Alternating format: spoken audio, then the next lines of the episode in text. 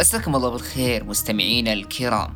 حياكم الله في الحلقة الخامسة من بودكاست خوف واللي تسمعونها بشكل حصري عبر منصة بوديو. معي أنا محمد الصادق. الخوف من الضغط. أعرف أن الموضوع اللي بتكلم عنه اليوم موضوع راح يلامس كثير منكم لأن أغلبنا جالسين نعاني منه بشكل أو بآخر. وأتكلم هنا عن الضغط. فينا اللي يعاني من ضغط الدراسة وفينا اللي يعاني من ضغط العمل وفينا اللي يعاني من ضغط العلاقات وفينا اللي يعاني من ضغط المسؤوليات الاجتماعية وغيرها من الضغوط اللي تعد ولا تحصى. خلينا ندخل شوي شوي في موضوع حلقتنا اليوم. الدماغ. هذا العضو الصغير في حجمه. يمكن أنه يحول حياتك إلى جحيم وبراكين ما تهدأ. ويمكن أنه يحولها إلى جنة ونعيم وسلام. هذا الدماغ الموجود في أعلى الرأس. يستطيع أنه يتحكم في مشاعرنا وتفاعلاتنا وحركاتنا وتركيزنا وكل شيء في حياتنا الشخصية. هذا المخ الصغير في حجمه هو اللي اخترع الحاسوب. وهو اللي اخترع السيارات والهواتف وأشياء كثيرة. هو صحيح أنه عضو صغير في حجمه لكنه كبير في مقدرته. ولكن في مكان ما إذا شعر هذا المخ بأن هذا الروتين اللي يعمل فيه راح يتغير راح يحس بالتهديد. وهذا التهديد أو المؤثر حتى وإن كان إيجابي راح يسبب الضغط اللي إحنا اليوم نتكلم عنه. المشكلة هي في استمرار المخ بإعطاء هذا الشعور. مع الوقت راح يصير عندك مرض يسمى الضغط المزمن. هذا الضغط المزمن راح ياخذك إلى مرحلة الرهاب من الضغط أو الخوف من الضغط. بالتالي راح تحس بضغط نتيجة الخوف نفسه. ووقتها راح تدخل في هذه الدائرة المرهقة. الدائرة اللي لها بداية لكن يعلم الله بنهايتها. هذا الضغط هو المؤثر الأول على النواقل العصبية أي النواقل المسؤولة عن المشاعر.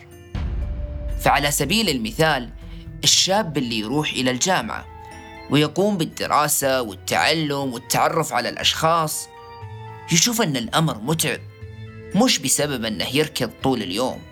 بل بسبب الضغط اللي يشعر فيه بداخل راسه.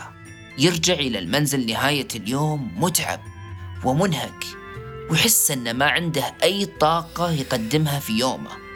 بالتالي هذا التعب أو الضغط المزمن أو حتى الخوف منه يمكن أنه ياخذك إلى منحى آخر يتعدى المراحل النفسية.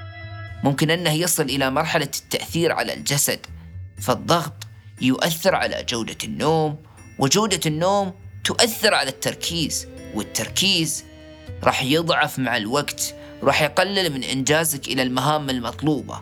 وبالتالي هذا بحد ذاته راح يضغطك أنك ما أنت قادر تنجز المهام اللي أنت مسؤول عنها في اليوم. شفت معي وش ممكن يسوي الضغط في الإنسان؟ وهذا من القليل القليل اللي يفعله الضغط في الإنسان. ففي الكثير من الأحيان ونتيجة للاستمرارية في هذه الدوائر المفرغة يصاب الإنسان بالاكتئاب ويميل إلى العزلة حتى أنه يمكن يشعر بسبب عدم انتصاره على الضغط بأنه إنسان فاشل وبلا قيمة وبالتالي قد يصل إلى ما لا يحمد عقباه. وأعني هنا مرحلة الانتحار ويا مكثر الحالات اللي وصلت لهذه المرحلة. حول العالم والقصص كثيرة.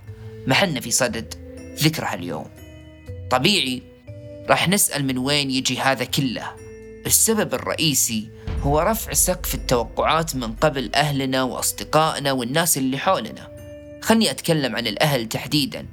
أهلنا لطالما كانوا يبونا نكون أشخاص متفوقين على كل الأشخاص اللي حولنا إن كان في المدرسة أو العائلة أو غيرها.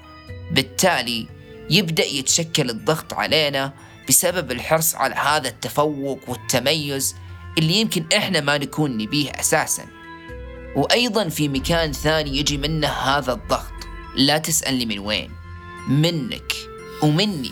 ومن كل واحد فينا ما يرحم نفسه. ومحمل نفسه أكثر من طاقته. فمثلا إحنا دائما في بداية حياتنا نقول أننا في العمر الفلاني بيصير عندنا شركتنا الخاصة أو راح نمتلك السيارة الفلانية أو راح نسافر إلى الدولة الفلانية أو راح نكون مرتبطين عاطفيا وغيره. وهذا أحد الأسباب اللي تخلينا في مرحلة ضغط لين نوصل للعمر اللي قلنا بنحقق فيه أحلامنا وأهدافنا.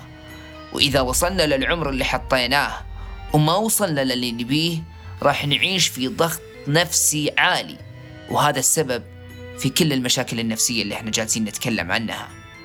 ختاما يمكن يكون الضغط سلبي ويمكن يكون حتى بشكل إيجابي لأن أنت ممكن تتعلم من دروس الضغط هذه وتعرف تتعامل معاها بشكل يفيدك ويأثر على شخصيتك بل بشكل يطورك ويغيرك للأفضل والأحسن.